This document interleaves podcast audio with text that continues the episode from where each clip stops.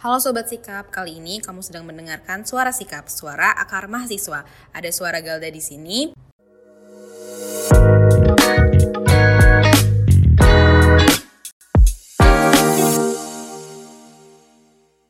Tema perbaikan lingkungan itu kan makin banyak dibicarakan. Nah, karena dampaknya tuh masif perusahaannya ke kita.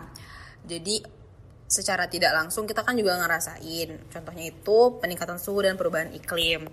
Nah, karena itu eh, podcast kali ini kita bersama founder Society of Renewable Energy atau SRE UPN Jogja yaitu Mas Maulana Yusuf Hanafi. Eh, boleh Mas perkenalkan dirinya? Sekarang lagi sibuk apa? Oke, terima kasih atas kesempatannya. Sebelumnya lu kenalin aku Maulana Yusuf Hanafi. Aku di sini sebagai founder dari SRE UPN VJ. Eh, saat ini kesibukanku eh, sedang ngurus untuk sidang skripsi ke depan. gitu. Belajar. Terus apalagi ya sekedar cari duit lah ya buat eh, nambah nambah uang jajan dari ikut lomba-lomba seperti itu aja sih. Oke. Eh, kita langsung aja ya Mas, karena di kampus 2 kan SRE itu masih banyak yang belum tahu ya, karena kan juga emang nggak terlalu peka lah dengan isu itu. Jadi boleh diceritain gak sih sebenarnya SRE itu apa gitu? Oke. Jadi buat teman-teman suara sikap yang belum tahu nih SRE itu apa. Jadi SRE itu adalah organisasi yang mewadahi mewadahi minat bakat dari mahasiswa UPN yang ingin belajar, ingin mengembangkan bakatnya di bidang EBT, yang ingin bikin prototipe atau peralatan EBT, yang ingin mengembangkan idenya di bidang EBT agar kita bisa berinovasi dan menciptakan karya. Khususnya di bidang EBT. EBT itu adalah energi baru terbarukan. Nah, jadi kalau yang belum tahu, energi itu ada dua. Yang pertama ada energi fosil, itu yang sudah kita pakai lebih dari satu abad. Itu contohnya kayak bensin, batu bara, gas itu termasuk energi fosil. Sedangkan yang energi baru terbarukan itu adalah energi yang bisa diperbarui atau nggak bisa habis. Contohnya energi panas matahari, energi angin, energi arus dari ombak, kemudian aliran sungai, kemudian ada bioenergi dari tumbuh-tumbuhan dan masih banyak lainnya.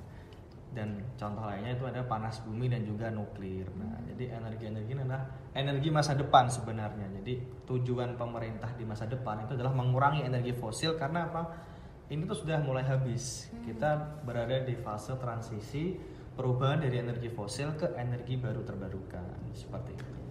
Jadi kalau aku tuh kan taunya Mas eh, makin banyak mobil listrik atau motor listrik kayak kan sekarang Tesla, terus Wuling kan juga ngeluarin ya Hmm. kuliah. Berarti itu salah satu gerakannya transisinya. I- iya benar sekali. Jadi kalau di masa depan kita pakainya baterai.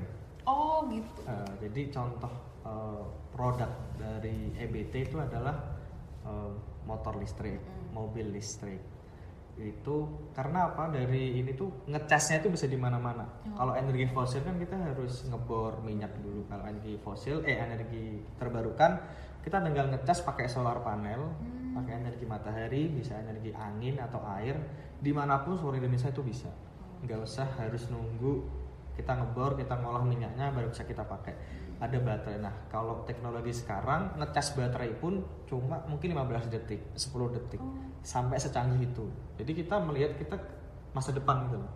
Meskipun sendiri kita menampik ya UPN ini kan terkenalnya di Fakultas Teknologi Mineral di mana itu lebih me- mementingkan energi fosil pertambangan geologi perminyakan. Nah kita sebagai mahasiswa itu jangan menutup diri meskipun kita backgroundnya energi fosil terus kita nggak mau ke arah EBT itu salah. EBT ini adalah jalan kedua kita. Seandainya nanti di masa depan kita udah mantap dengan energi fosil kita udah tahu basic dari ilmunya di EBT ini sehingga kita bisa berkecimpung dan nggak ketinggalan zaman. Oke. Oke, makasih Mas. Nah, aku tuh ingat waktu aku maba ada yang nge-share eh, opreknya SRE. ya Terus aku kira ini tuh emang UKM baru yang baru gitu. Terus nggak tahu ya Pimpretku ngomong kalau ini tuh udah ada di univ lain.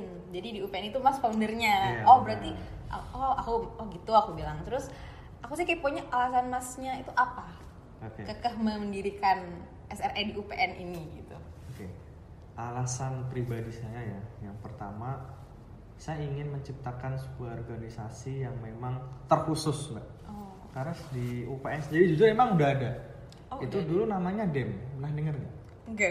Dewan Energi Mahasiswa. Saya dulu juga DEM Gitu. nah jadi di awalnya saya ikut di DEM tapi ada beberapa persoalan internal lah ya yang Hmm. nggak ingin saya sebutkan sehingga DEM ini kurang bisa tumbuh dan berkembang. Nah, akhirnya saya melihat potensi RS SRE ini.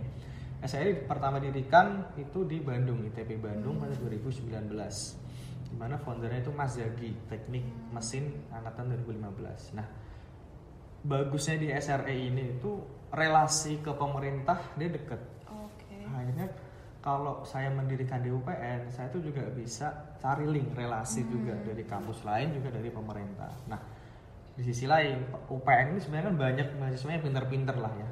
Ada juga prodi yang mendukung seperti teknik lingkungan sama teknik kimia. Itu sebenarnya sejalan dengan arah SRE nah di sini aku pengen mengoptimalkan gitu loh peran mereka di bidang energi itu sebenarnya ada Nah, kalau sebelumnya DEM itu memang udah ada, aku lebih memfokuskan SRE ini untuk berinovasi. Yuk kita menciptakan produk.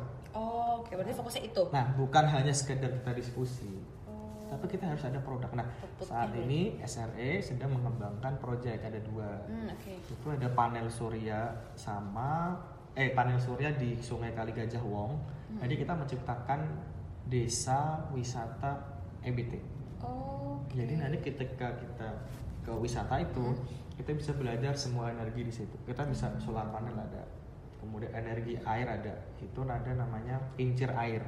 Kita juga ada kincir angin. Itu masih proses. Yang kedua kita juga ada biogas. Oh. Itu masih proses kita untuk perencanaannya. Jadi ada dua proyek saat ini kita handle.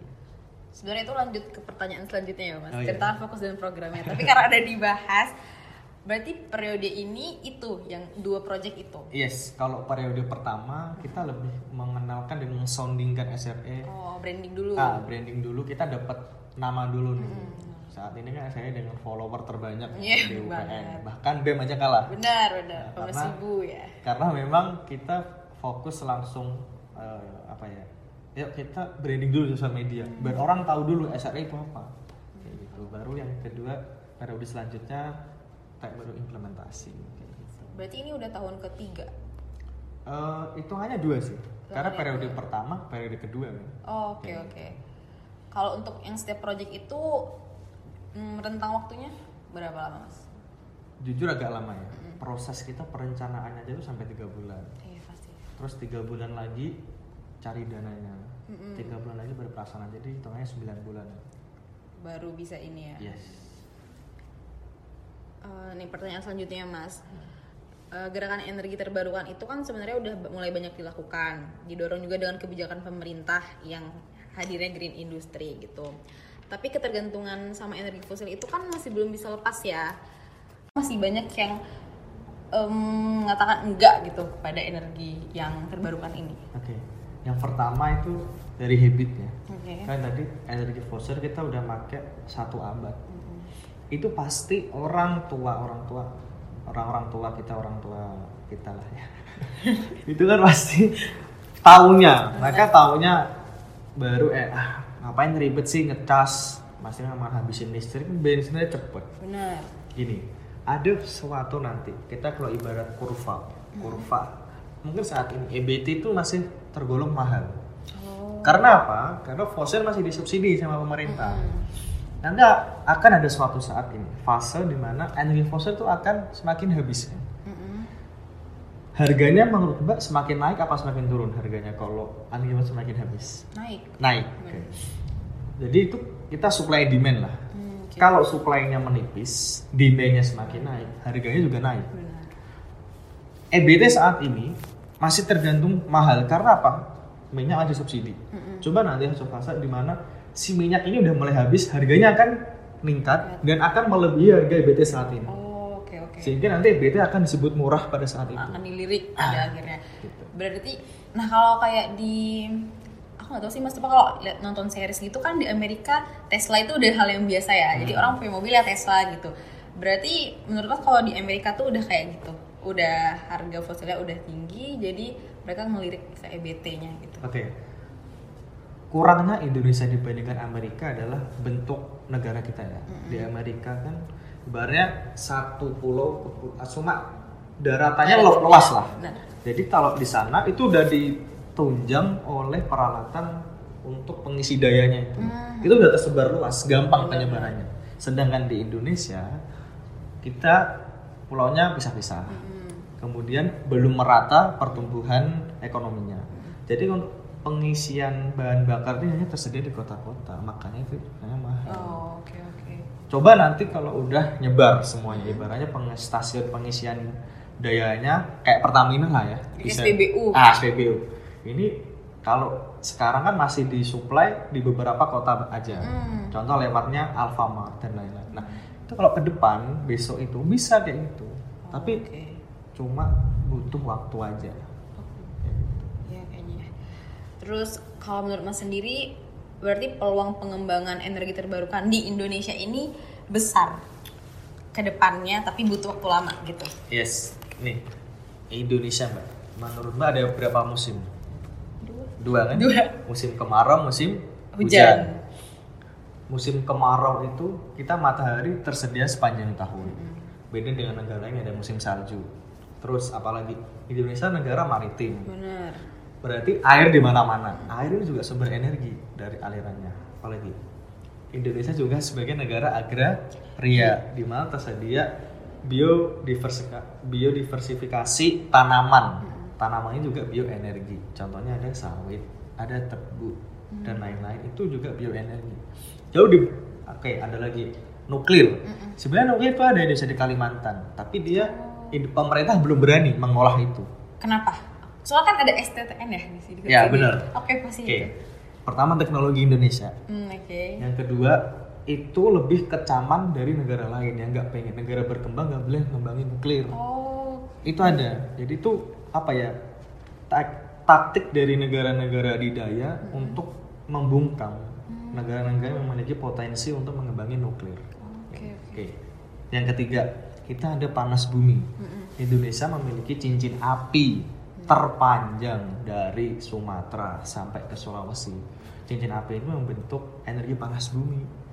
Nah, energi panas bumi itu juga sangat-sangat berpotensi ya kalau untuk suplai listrik. Kayak gitu. Jadi kalau dibandingin dengan negara lain, sebenarnya Indonesia tuh memiliki tipe EBT yang paling lengkap, Oh gitu. Berarti peluangnya sebenarnya paling besar. paling besar, tapi pemerintahnya belum siap. Belum siap. masih ada ego ibaratnya apa ya?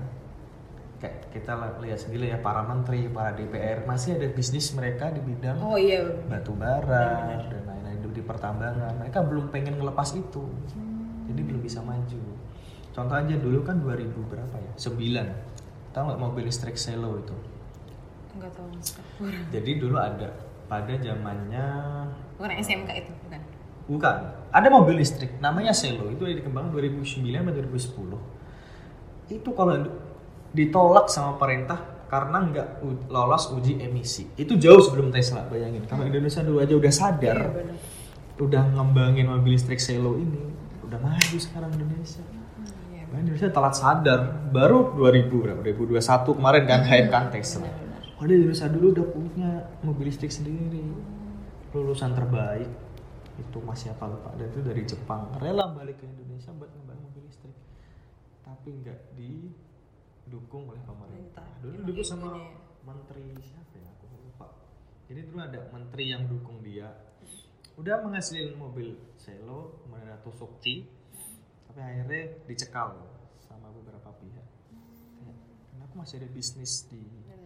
Di fosil Ini aku nggak mau dong ada itu itu misalnya bisnisnya gimana ini dibongkar hilang eh malah sekarang malah ngunggulin Tesla Benar.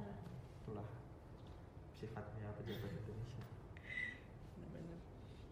So aku juga ngeliat berita yang bullying itu kan, Hmm. eh, kan warnanya lucu-lucu jadi aku ngirim ke temanku.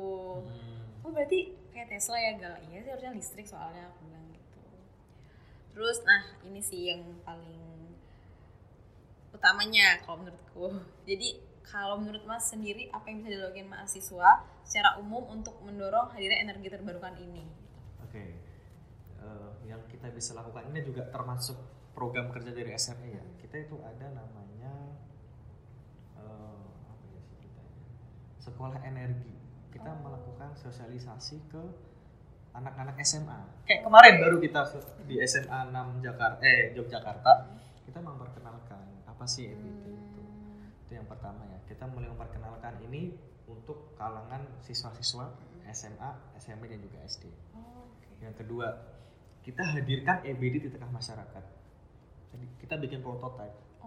Biar apa? Masyarakat juga tahu ternyata ada namanya energi baru terbarukan yang bisa menghasilkan energi di sisi lain energi fosil. Tuh.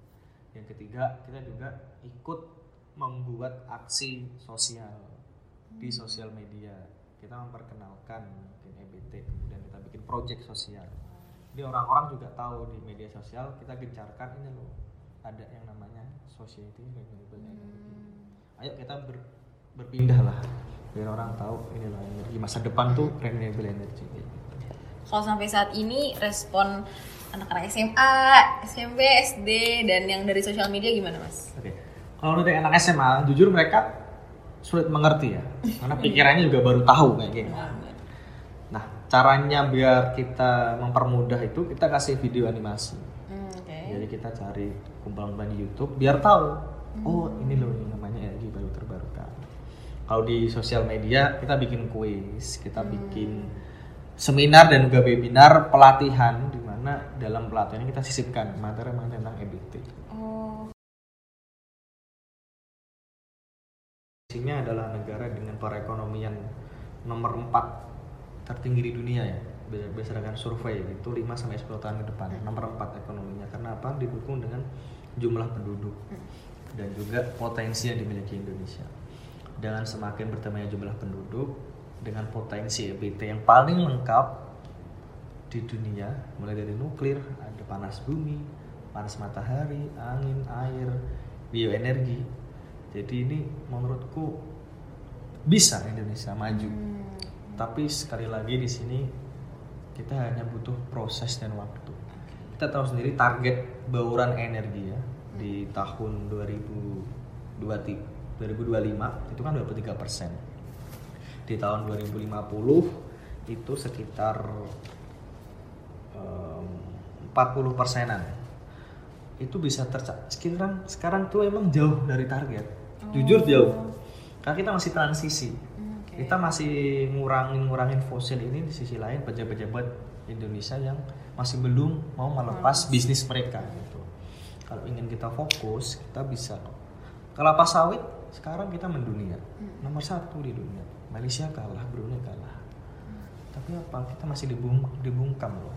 Kelapa sawit kita itu si dari Eropa itu tuh sebenarnya nggak setuju alasannya ini, padahal kita paling cepat menghasilkan energi minyak goreng contohnya itu dari kelapa sawit itu paling cepat dibandingkan minyak goreng dari fosil itu kan kita harus rebus jutaan.